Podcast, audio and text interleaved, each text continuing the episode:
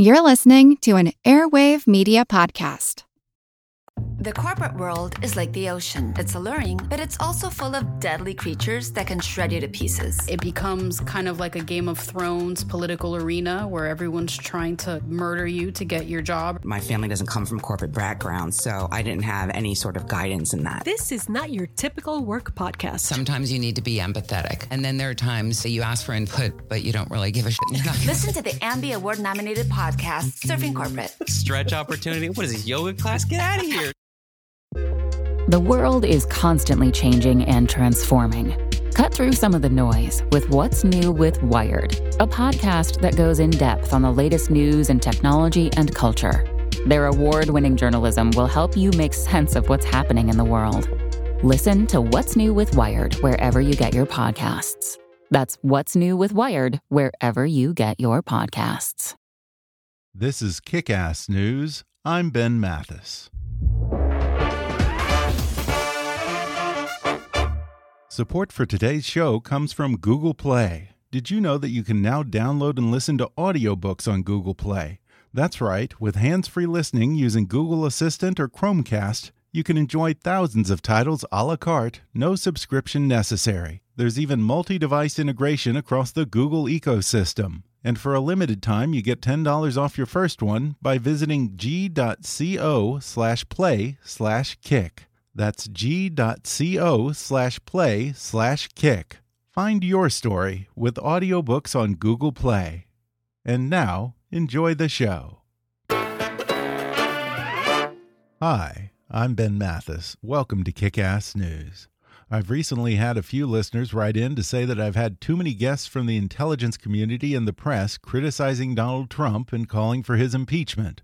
So today, I'm giving equal time to the other side. Sort of. You see, my guest today is not a Republican or an alt right Trump supporter. In fact, he's a lifelong Democrat who voted for Hillary Clinton and even donated to her campaign, and he's vocally opposed many of Trump's policies as president.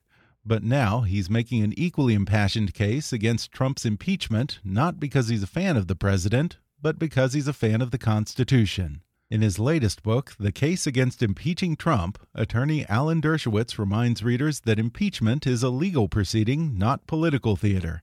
And he says the rules, clearly spelled out in the Constitution, apply as much to President Donald Trump as they would to a President Hillary Clinton. And he ought to know because Alan Dershowitz is one of the most famous lawyers in America, having advised and defended many of the most widely covered legal cases of the past 50 years, including O.J. Simpson, Anatoly Sharansky, Michael Milken, Klaus von Bülow, and Mike Tyson. The Felix Frankfurter Professor of Law Emeritus at Harvard Law School, Dershowitz has been called one of the most prominent and consistent defenders of civil liberties in America by Politico, and the nation's most peripatetic civil liberties lawyer and one of its most distinguished defenders of individual rights by Newsweek. And on today's podcast, he says even though he may not like Donald Trump, the president is entitled to the same rights as any other American. He explains exactly what is and is not an impeachable offense, why a crime may not always equal impeachment, and how this applies to presidents from Andrew Johnson and Richard Nixon to Bill Clinton and Donald Trump. According to Dershowitz, and he says according to the Constitution, the president has every right to fire the FBI director, shut down investigations, and pardon anyone he wants, perhaps even including himself. He warns against a dangerous trend of criminalizing politics on both sides, argues that the Mueller investigation runs the risk of abusing attorney client privilege, and asks where has the ACLU been throughout it all? Plus, he rates Rudy Giuliani's performance as Trump's attorney, weighs in on the president's Supreme Court nominee, Brett Kavanaugh, and the world's most famous defense attorney advises that Trump should absolutely not agree to an interview with the Mueller investigation. Coming up with Professor Alan Dershowitz in just a moment.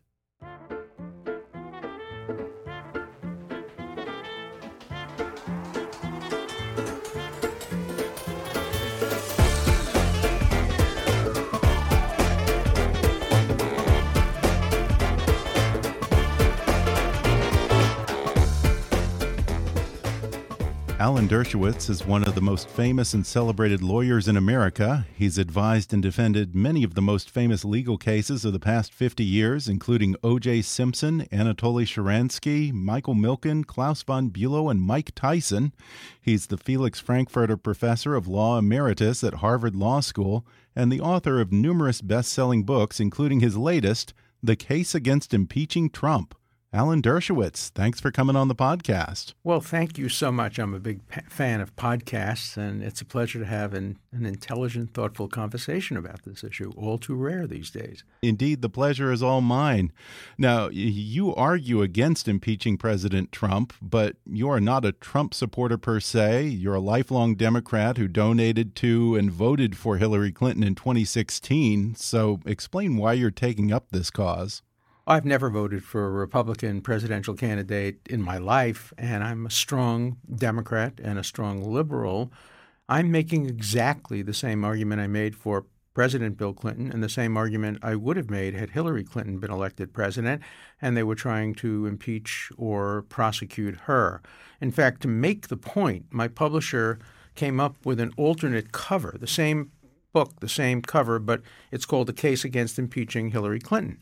And it would be exactly the same, except that the liberals would love me. They'd be building a statue to me on Martha's Vineyard instead of vilifying and refusing to listen to me.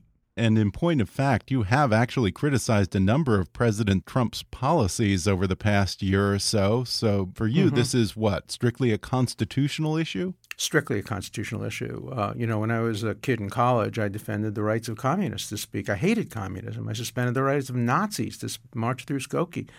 I've constantly, all through my life, defended people I've thoroughly disapproved of.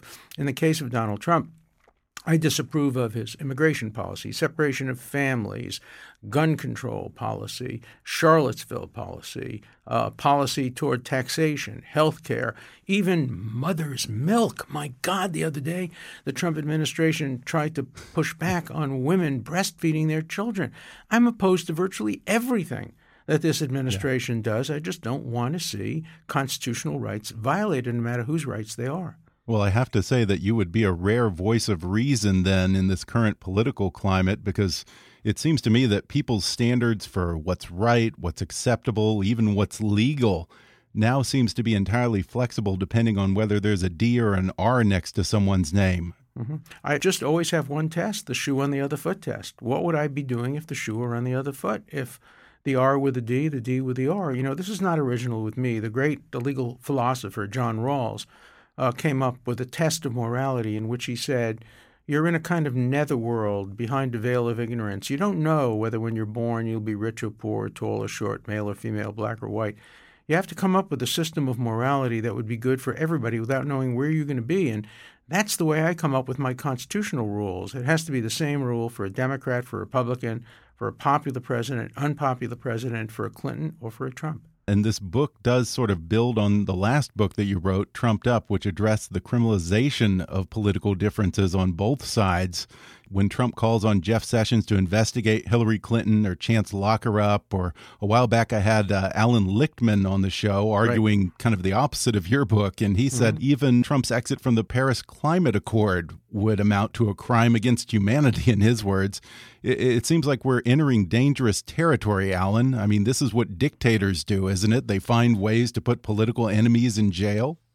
Look, we're seeing that on both sides of the political spectrum. If Hillary Clinton had been elected, we'd be seeing the same thing by Republicans today. But the Lichtman argument takes it to its illogical conclusion the idea that uh, he's committing a crime against the environment, and that would be a basis for impeachment. The framers would be turning over in their grave.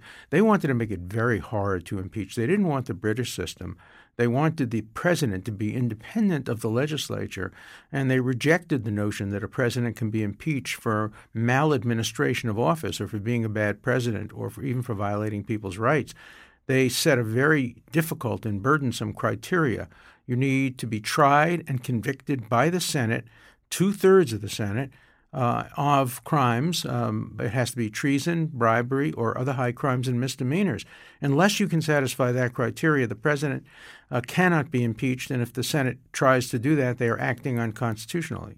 And yet, even Madison and Franklin seemed to, at least in their writings, define the terms for impeachment pretty broadly. I think Ben Franklin even said you can impeach the executive for obnoxiousness. yeah, and uh, Judge Kavanaugh uh, used a, a, a, similar phrase. He said maybe you can impeach a president for engaging in dastardly conduct what would fall under the term dastardly behavior unless Brett Kavanaugh is planning on impeaching Snidely Whiplash. uh-huh.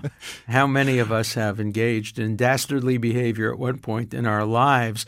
The idea that that would be the criteria, I don't think he really was uh, thinking about the Constitution when he said that, and I'm sure he'll be questioned about it. The problem is you can't decide what the Constitution means by looking at selective statements by individuals because the Constitution was ratified by the states.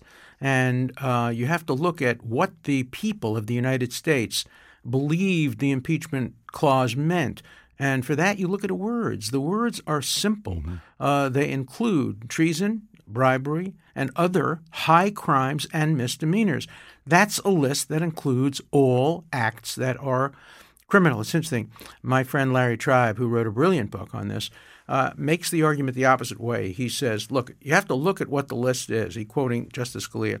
He said, if there were a list that said, here's a list of great competitors, including Mickey Mantle, Joe Louis, Joe DiMaggio, uh, Sandy Koufax, and then you were asked to add a name to it, you wouldn't add Sam Walton of Walmart uh, even though he's a great competitor, because the list obviously is intended to yeah. include only athletic competitors. The same thing here. The list, everything in the list is a crime. And I think it's clear that the framers or the people who ratified the Constitution had in mind that you had to commit a crime. Once you're convicted of committing a crime, then political consideration can come into play, but not before that. On the other hand, I know that Congresswoman Maxine Waters has argued last year that impeachment is whatever Congress says it is and that there is no law. And even before that, Gerald Ford made a similar assertion during Watergate. Is that true? Is Congress the final arbiter of what is an impeachable offense? Is it just an entirely political proceeding? Well, I argue in the case against impeaching Trump that's exactly wrong. Let me lay out a scenario for you. Let's assume that Congress impeached the president for a non crime, followed the Waters um, uh, argument, and, um, and then the Senate removed him for a non crime. And the president, who's an independent branch of government, says, I'm not going anywhere. You removed me unconstitutionally. There are three branches of government. we, I interpret the Constitution differently than you do. I'm not leaving office. At that point, what do you do? They can't call the army out uh, the Army is under the auspices of the president, they have to go to the Supreme Court. So, in the end, the Supreme Court would be the arbiter if you had a situation where Congress defied the Constitution and followed the Waters Ford uh, lawless approach to impeachment rather than the Dershowitz lawful constitutional rule of law approach. I think mine is the better way.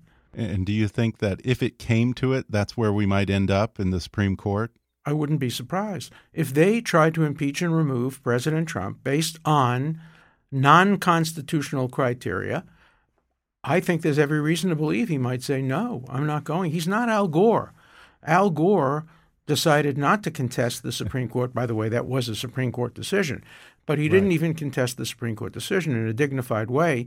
He simply went away. I don't believe this president would necessarily do that if he honestly felt and his advisors told him that the Senate and the Congress had acted unconstitutionally to remove him. Now I want to dig into the defined terms for justification for impeachment that you mentioned a moment ago. Uh, they are treason, bribery, and the third one is high crimes and misdemeanors. That sort of seems like a pretty archaic term. So, do we know what is covered by high crimes and misdemeanors?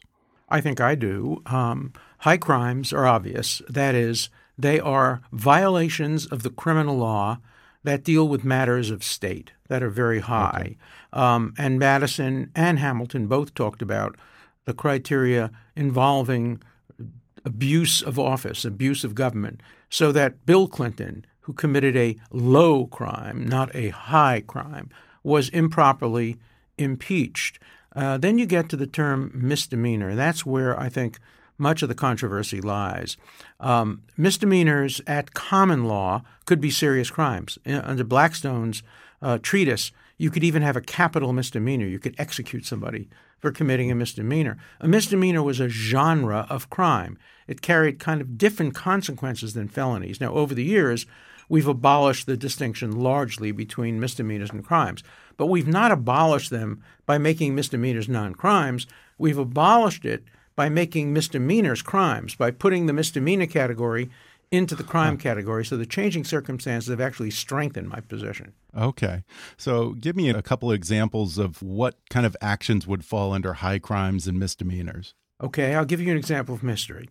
Uh, Alexander Hamilton notoriously was seduced by a woman to have an affair, and the reason for the seduction was the man, the husband, wanted to extort him.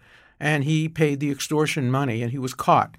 And he was accused of paying the money from the Treasury. If he had paid the money from the Treasury, it would be a high crime. But if Okay. he merely paid the tre- the money from his own pocket, it would not be a high crime. It would just be paying off somebody uh, to cover up an affair. Hamilton understood that that distinction when he helped write the provisions regarding uh, impeachment, and I think he had that kind of a situation in mind. So a high crime and misdemeanor is something that involves kind of corruption of government. If President Trump were to really obstruct justice the way um, President Nixon did by bribing witnesses, paying hush money, uh, uh, destroying evidence, telling his uh, subordinates to lie to the FBI, those would be high crimes. Uh, that's the only example I can think of in modern times of high crimes that would justify the impeachment of a president. And those were the crimes that were, in fact, alleged. It was not alleged that it was a high crime uh, to fire Archibald Cox. It was a terrible, terrible thing to do. Archie Cox was a close friend of mine. It was an abhorrent thing to do, but it was not a crime. And so that was not included among the high crimes and misdemeanors asserted by Congress in their bill of impeachment. So then, by this standard, Trump having Michael Cohen pay off his mistresses would not be an impeachable offense, then, right? Oh, no, not even close. Um, first of all, it has to occur while you're president. Um, Yeah. Maybe conceivably it could occur in the run up if it helps you get elected, but that wouldn't even be a close case. Paying somebody off, first of all, it's not even a crime. Uh, you're entitled to do it. People settle cases all the time. I don't understand actually why uh, this woman who was just recently arrested um, is a hero among some people.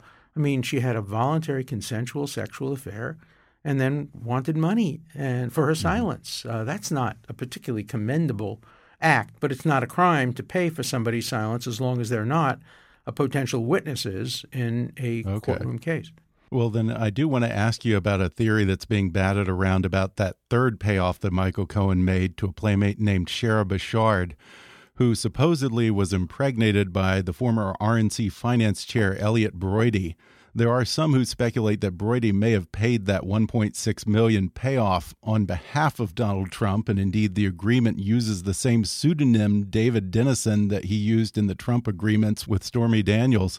I- If it comes out eventually, and perhaps if Michael Cohen's going to flip, maybe we'll see this. If Mm-hmm. it comes out that Trump had a major campaign donor pay a million and a half to his lover to abort a love child and keep quiet about it in December 2017 during his presidency, is there any way that that wouldn't be considered an impeachable offense and I, I suppose an illegal campaign contribution?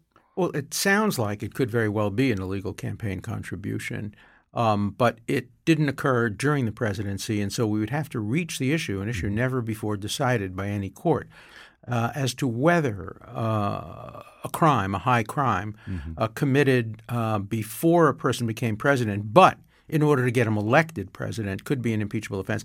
I suspect the answer to that would be yes, um, probably, but don't anybody tell you that it's clear because the Constitution just doesn't speak to that issue. Because the agreement was signed in December 2017, which would put it into his presidency. December 17 would put it into his presidency, yeah. But then it Yeah. wouldn't be a camp. Then it wouldn't be in order to help him get elected. So you can't have it both ways. Right. If it helps him get elected, it's before the presidency. If it's after the presidency, it's not to help him get elected. So that sounds a little bit more like the kind of low crime that Hamilton Okay. uh, may have committed when he paid off um, uh, the the husband of the woman with whom he had an affair. But you do seem to indicate in your book that the area where Donald Trump might be most vulnerable isn't Russia or obstruction, but these ongoing civil cases involving some kind of sexual impropriety with women. Uh, what makes those so perilous for him? Same thing that made them perilous for Bill Clinton. Bill Clinton mm -hmm. foolishly and with the advice of uh, a lawyer who should have not given him that advice uh, testified about his sex life while he was president and was accused, therefore, of committing perjury while he was president. I do not think this president will make the same mistake. I think he's learned the lesson of Bill Clinton and would do everything to avoid testifying in a civil case. Now, he has no constitutional right, according to the Supreme Court's unanimous decision, to refuse to participate in a deposition while he's president, but there are many rights he can in, invoke, including, I don't think he would ever do this, a Fifth Amendment right. But uh, if he did answer that question and he answered it falsely, um, then he's in Clinton land. We're going to take a quick break, and then I'll be back with more with Professor Alan Dershowitz when we come back in just a moment.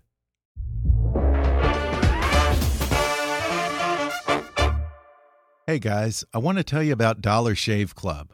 Dollar Shave Club delivers everything you need to look, feel, and smell your best. You name it shampoo, conditioner, body wash, toothpaste, hair gel, even body wipes. Dollar Shave Club is my one stop go to for all of my toiletries, and I've especially become a huge fan of their amber and lavender calming body cleanser. It smells absolutely fantastic, and it's a great way to get your day going. But all of Dollar Shave Club's products are great and made with top shelf ingredients that won't break your budget. Plus, shipping is free with your membership.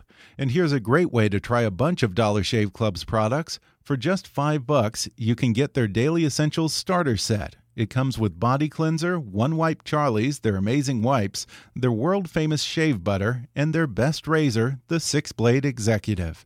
Keep the blades coming for a few more bucks a month and add in shampoo, toothpaste, or anything else you need. Check it out at dollarshaveclub.com/kickass.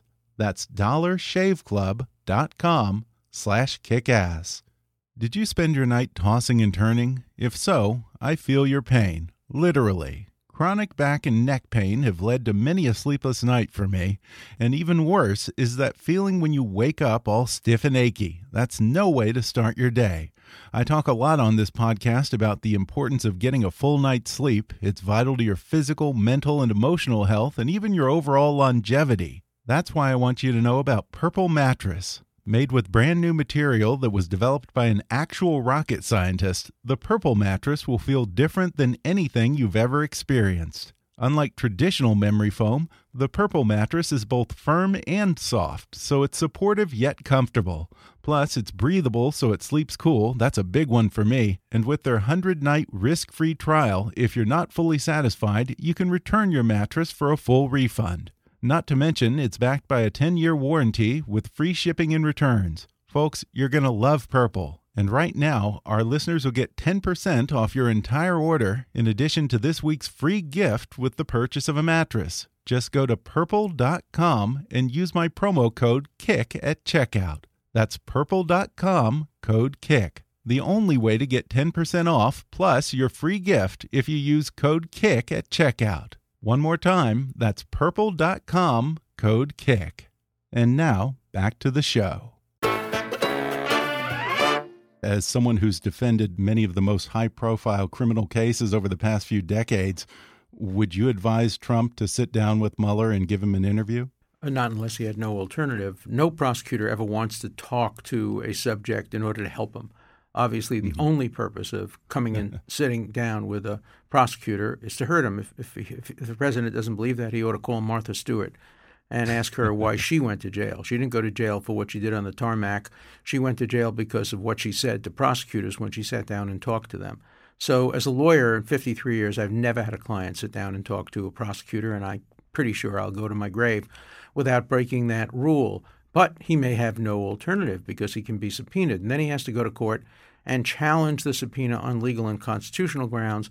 And in the end, probably he'll win some and lose some. Uh, but in the end, he probably would have to testify as to some aspects of his um, activities. Now, if he's asked, why did you fire Mueller, he doesn't have to answer that question because the Constitution protects a president, a senator, a congressman, a judge from having their motives or intentions probed if they engage in constitutionally authorized acts. Uh, yeah, there's been kind of this parlor game of people trying to divine whether Trump had, uh, I forget the term, I think it's uh, corrupt, corrupt motive. motives. Yes. Yeah. Doesn't matter. Doesn't matter whether he had a corrupt motive. Uh, we know that President George H.W. Bush did have a corrupt motive when he pardoned Caspar Weinberger and five other people.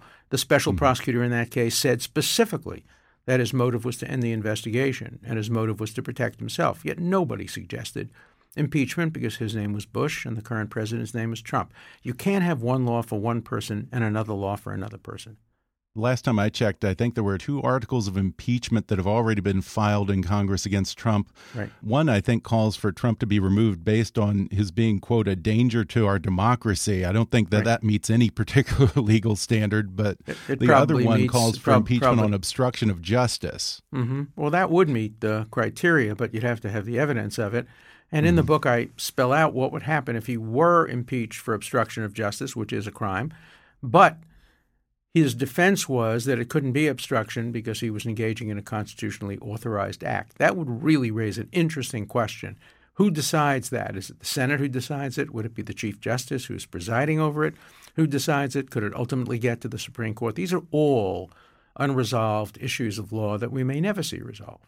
And you argue in the book that what people are saying might be obstruction of justice, such as asking Comey to drop the Flynn investigation and eventually firing Comey. You say that those all fall within his duties as the executive, right? So they can't be obstruction under those terms. I think that's absolutely right. Thomas Jefferson, when he was president, ran the trial against um, Aaron Burr he ordered his attorney general to bring right. the prosecution. He brought witnesses in personally, gave them immunity by giving them pardons if they testified against Burr, and threatened them with prosecution if they refused to testify against Burr.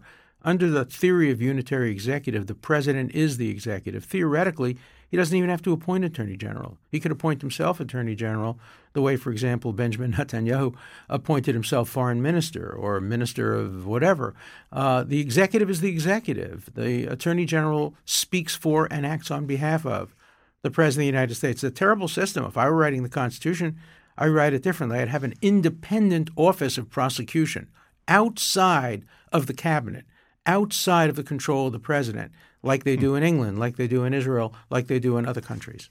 Is that how you would have liked to have seen this investigation handled in some kind of an open public forum, uh, something Absolutely. independent as opposed to the Mueller investigation? Yes, and day one, I called for a 9 11 type, nonpartisan, expert investigation to make sure that Russia never again intrudes in our election. Nobody has any doubt that Russia tried to intrude in the election. We don't know whether it succeeded, we don't know whether it had an impact. But there should have been, this is a messy election. There should have been a nonpartisan commission looking into Russian intrusion, looking into whether there are people in the FBI like Strzok who try to put a thumb or even a pinky on the scale by saying we'll stop the election of President uh, Trump. We have an insurance policy. We have to know what that means. And a nonpartisan investigation, open, is so much better than a closed, behind doors grand jury investigation which hears only one side of the issue, only the prosecutor's side, not the defendant's side. That was the worst possible way of getting at the truth and stopping Russia from doing it, mm -hmm. doing it again. But how do you have a, an open criminal investigation like that? I mean, doesn't then the prosecutor or whoever's conducting it kind of signal their intent to the accused? Of course, and that's why you shouldn't have a criminal investigation at all. There was no evidence okay. when uh, Mueller was appointed that uh, there was a criminal collusion, a criminal uh, conspiracy with uh, with Russia. There should have been an open investigation, and if the open investigation produced real evidence of crimes, then it could be turned over to a prosecutor. We got it backwards. Well, I want to ask you about these accusations of collusion with the Russian government. That term sort of does a disservice because collusion is not a legal term in this context, right? right there's there's right. no criminal statute for collusion, right? Well, there is a criminal statute of a collusion, but it's only when business people collude together to violate right. the antitrust laws. There's no collusion crime for a campaign. But if President Trump, let's say, conspired then to aid a hostile foreign power to the detriment of the U.S. and was induced to do so either by financial incentives or blackmail, would that not meet the definition of a high crime or perhaps even treason? Wouldn't be treason because treason okay. is clearly defined in the Constitution, and that wouldn't come up to the definition. It could be a violation of campaign laws um, if the president accepted something of financial value. No, people argue that by accepting, if he did, we don't know about this, information, dirt on Hillary Clinton, that was a campaign contribution. No, that would be unconstitutional. You cannot okay. prevent a presidential candidate from using information from whatever source any more than you could stop the New York Times from publishing the Pentagon Papers or the Manning or Snowden information, all of which were illegally stolen. Okay, so essentially that would be treated, I guess, uh, in campaign terms as uh, free Oppo research or something. That's right. And which yeah. is perfectly legal. I wish we didn't have it, but it's perfectly legal. And I have to okay. tell you, if Hillary Clinton had obtained dirt on Donald Trump from the Russians, and people were trying to investigate her for that. The American Civil Liberties Union would be in full dudgeon, uh, complaining how the First Amendment rights have been violated. But the ACLU has been dead in the water on these issues. It's making money hand over fist by doing everything to oppose everything Trump's doing. God bless them for doing that. But they have neglected due process, the First Amendment, constitutional rights, because that's not a big moneymaker for the ACLU you formerly served on the board of directors of the ACLU. In your opinion, has it just abandoned its principles and become pretty much an entirely political organization? Well, that may overstate it, but it's become very political. I served on the ACLU National Board during the Nixon impeachment, and the mm-hmm. ACLU board was very concerned about Nixon's civil liberties at the time, uh, but not today. Today, the director, the legal director, essentially praised the prosecutor for raiding a lawyer's office, taking client files, and giving it to some FBI agent to go through to see if there's anything confidential. I had to stand up against that because the ACLU isn't doing it. In fact, the reason I've been so vocal and, and uh, in the news and on the media, I'm doing the ACLU's job. Uh, they have a $130 million budget. I have no budget. It's not easy for one person to do what an organization is doing, but nobody else is doing it. And I'm going to keep doing it no matter how much I'm vilified or, or complained against because I think it's a very, very important job to do. Somebody has to stand up for civil liberties and constitutional law, even when the president is so unpopular among liberals and Democrats. Donald Trump has said that attorney client privilege is now dead as a celebrated defense attorney. Would you agree with that? I wouldn't say dead, but I would say it was wounded by mm. that raid, but I think it was resurrected by Judge Kimba Wood, who took my advice and uh, and appointed a judge, a former judge, to go through the lawyer client material rather than a prosecutor or an FBI agent. That was a very good step. The ACLU didn't ask for it. Hmm. I asked for it. Yeah, usually the FBI or, or, whoever the investigators might be, they create what they call firewalls and taint right. teams to make sure that prosecutors aren't able to access any evidence that might be privileged. Mm -hmm. In theory, it sounds nice, but does it usually work that well in practice? It doesn't even sound nice in theory to me because nobody is allowed to look at lawyer client privilege material, not an FBI okay. agent, not a prosecutor. Second, do you believe for one second that if an FBI taint team had found very scurrilous evidence about private conduct committed by Donald Trump when he was in Russia or something like that. Do you really believe that the FBI agent uh, wouldn't leak it or the prosecutor wouldn't leak it? We live in an age of leaks. A former yeah. judge would not leak it because there would be one person, and that one person would be responsible. And if it leaked, everybody would know where to point the finger. But when you have anonymous FBI agents going through these papers, a leak is inevitable. You also expressed skepticism that Mueller would ever have been able to induce Michael Cohen to flip on his client, Donald Trump. Uh, what do you make of these hints that Cohen seems to be dropping that he might just do that? Well, Cohen has a fantastic lawyer. He's the luckiest man in the world to have gotten um, the lawyer he, he, he got. And, Lanny Davis? Uh, Lanny, Lanny Davis is terrific. He, and he's, you know, he's obviously trying to gain maximum advantage for his client. Um, and to do so, you have to make it clear to both sides that each side has something to gain by supporting uh, his client, uh, either by a pardon ultimately or by immunity. Uh, his job is to keep his client out of jail, and he's doing a great job mm-hmm. trying to do it. How about Trump's team? Uh, has Rudy Giuliani been serving him very well, in your opinion? I think he started slow, but I think he's really picked up steam. I think he has a, a, a policy of he knows this is in the end going to be very political. He wants to turn the report by Mueller into a red blue controversy, and he thinks he wins that. So he has a strategy, and he's been following mm-hmm. that strategy. I'm not going to second guess that strategy, but uh, it seems like a plausible approach. There's a multiple approach in the Trump team. There are the inside people who are working with Mueller, who are trying to do lawyerly inside work. And then there's um, uh, Rudy Giuliani, who is obviously the face of the team uh, to the media. And I think their tactic has considerably improved um, since Giuliani was appointed. Again, slow start, but I think a good pickup. Yeah. Uh, can Mueller legally subpoena a sitting president? I know that's been a yes. question for some people. Okay, no, he can. He can. He definitely can. The question is, are there limits to the questions he can ask? Uh, and can, does he have to satisfy certain criteria before he can issue that subpoena? Uh, for example, does he have to show that there's no other alternative way of getting the information? Does he have to show they've exhausted all the other options? Do they have to show that they have evidence of some criminal behavior. All of these are interesting and debatable and important issues. Uh, yeah, and that seems to be where Trump's lawyers are headed uh, now that they're asking for more evidence of where he's going with this investigation and that he can't get this information any other way. Both sides uh, are that, playing hardball. There's no question. Both sides are playing hardball, yeah. and um, you know, where this case may go into extra innings some people have questioned whether Donald Trump pardoning Michael Flynn or Michael Cohen or Manafort might somehow be obstruction. It's pretty clear that the president can pardon anyone he wants, and that's not an impeachable offense. But can Trump pardon himself? Nobody knows even the know? answer to that. Nobody knows the answer to that. The framers yeah. didn't think of it. It didn't come up. the Constitution doesn't speak of it. Uh, there are arguments on both sides. There's a statement by Madison, I think, that a person can never be a judge in his own case. There are statements suggesting that the pardon power is very, very broad. It won't come up because since the president can't be prosecuted while in office, he doesn't have to pardon himself. If he were worried about being prosecuted when he left office, he could easily resign on the last day, make a deal with the vice president, make him president for a day, and the vice president would then issue the pardon of the president. That's not what happened with uh, uh, Ford and, and Nixon, but the effect was the same. Ford, Ford punished, uh, pardoned Nixon, and he was punished for it by not being reelected president.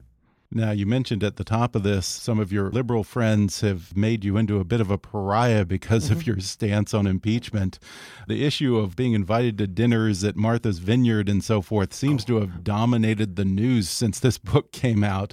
Are you a little irritated that that has kind of become the lead yes. with regard to this book? Yes. First of all, you know, people are complaining that the New York Times covered me so much. I didn't ask for that. I never called the New York Times. They kept yeah. calling me. It was their story. so stop pointing the finger uh, at me. I wish they hadn't covered it at all. This is not about parties. It's not about dinners. I get too many invitations. I have too many dinners. Uh, I've lost seven pounds on the Trump diet, which is a good thing. The um, uh, my concern is trying to shut me down trying yeah. not to let me speak, calling NPR and saying, don't put him on the air, calling Smerconish saying, don't put him on the mm-hmm. air, calling the Martha's Vineyard Film Society saying, well, stop contributing if you let him speak. That's what I'm concerned about. So, yeah. as a joke, my publisher has come up, I'm holding it in my hands now, with a new cover for my book, a special Martha's Vineyard edition cover. It's a plain brown wrapper the kind of thing we used to use when we were kids, carrying around, you know, the the confessions of uh, Fanny Hill or other yeah. dirty books, uh, so nobody would know we were reading those books. And now people will feel safe on Martha's Vineyard reading my book on the beach without anybody knowing that they're reading the book and accusing them of being complicit with Donald Trump's policies. well, next time you're in LA, you have an open dinner invitation from me, Alan. I appreciate that. I'll take it. I'll take you up on it. Well, before we go, we talked a little bit about Brett Kavanaugh's statement regarding impeachment. More generally, what are your thoughts on the Supreme Court nominee? I wouldn't have nominated him myself. I would have nominated yeah. Merrick Garland if I had the chance, or yeah. Akhil Amar, or some other moderate centrist liberal. But he is highly qualified. Nobody can doubt that. Yale Law School, taught at Harvard uh, Law School. Uh, that's the path I followed, so I can't complain about that. He um, has been a distinguished judge. He is very, very conservative. I won't agree with many of his opinions, but I'm going to wait and listen to how he answers questions before I make mm-hmm. up my own mind. I'm not going to be one who hold up the sign that says oppose and then it was left blank um, before we even knew who the nominee was. You know, it could have been, uh, you know, uh, Moses, Jesus, and Mohammed. Uh, but uh, some zealot people would oppose it if, if, if the nomination was made by Trump, just like the Republicans opposed Merrick Garland, who was a terrific, terrific choice. They stole that choice from Barack Obama. It was wrong. In my view, it was unconstitutional. The Constitution says that Senate has the duty to advise and consent. It doesn't say delay and prevent. And that's what they did. They didn't bring it to an up and down vote. I think they are obliged to. If I had been the president, or if he had asked my advice, I would have told him to swear in Garland, um, maybe as an interim appointment or as a permanent appointment, saying the Senate has failed and abdicated its duty, it's waived its power to consent or non consent. He's going to be the justice and let them challenge it. But um, you know they stole it. But I don't think the Democrats should play tit for tat and try to steal this nomination from President uh, Trump. I think we should go back to letting every nomination come before the Senate and let them have up and down votes. Mm-hmm. That's what the Constitution contemplated. That's what the American people deserve. Uh, how far do you think this shifts the court to the right? We don't know. Uh, you know, Kennedy was more to the right than most people think. He was very much to the right on um, criminal justice issues, uh, mostly to the right on free speech issues. Uh, uh, you know, justices are all individual. Scalia was very, very right on abortion and gay rights, but not so right on criminal justice issues and the First Amendment. We'll have to see what Kavanaugh does. Most of the issues that come before the court have never come before him as a judge, and he's not written about them. So it'd be interesting to see 30 years from now when he's still sitting, we don't know what the issues will be. Well, it's been a very illuminating and intelligent conversation. We should be having more of those these days. I agree. The Case Against Impeaching Trump is Alan Dershowitz's new book. Order it on Amazon or Audible. Alan, thanks for coming on the podcast. Well, thank you for intelligent conversation. It's too rare these days. Indeed. Be well. Thanks again to Alan Dershowitz for coming on the show. One more time, order his book, The Case Against Impeaching Trump, on Amazon or Audible, and follow him on Twitter at, at Alan Dershowitz. Support for today's show comes from Google Play. Did you know that you can now download and listen to audiobooks on Google Play? That's right, with hands free listening using Google Assistant or Chromecast you can enjoy thousands of titles a la carte, no subscription necessary. There's even multi device integration across the Google ecosystem. And for a limited time, you get $10 off your first one by visiting g.co slash play slash kick. That's g.co slash play slash kick. Find your story with audiobooks on Google Play. If you haven't already, be sure to subscribe to Kickass News on iTunes and leave us a review.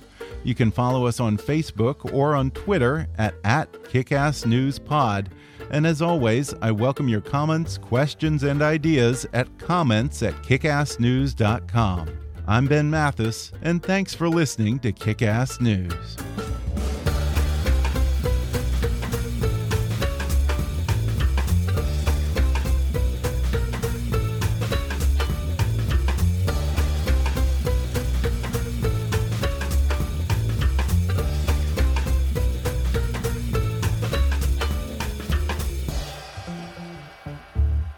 Kickass News is a trademark of Mathis Entertainment, Inc.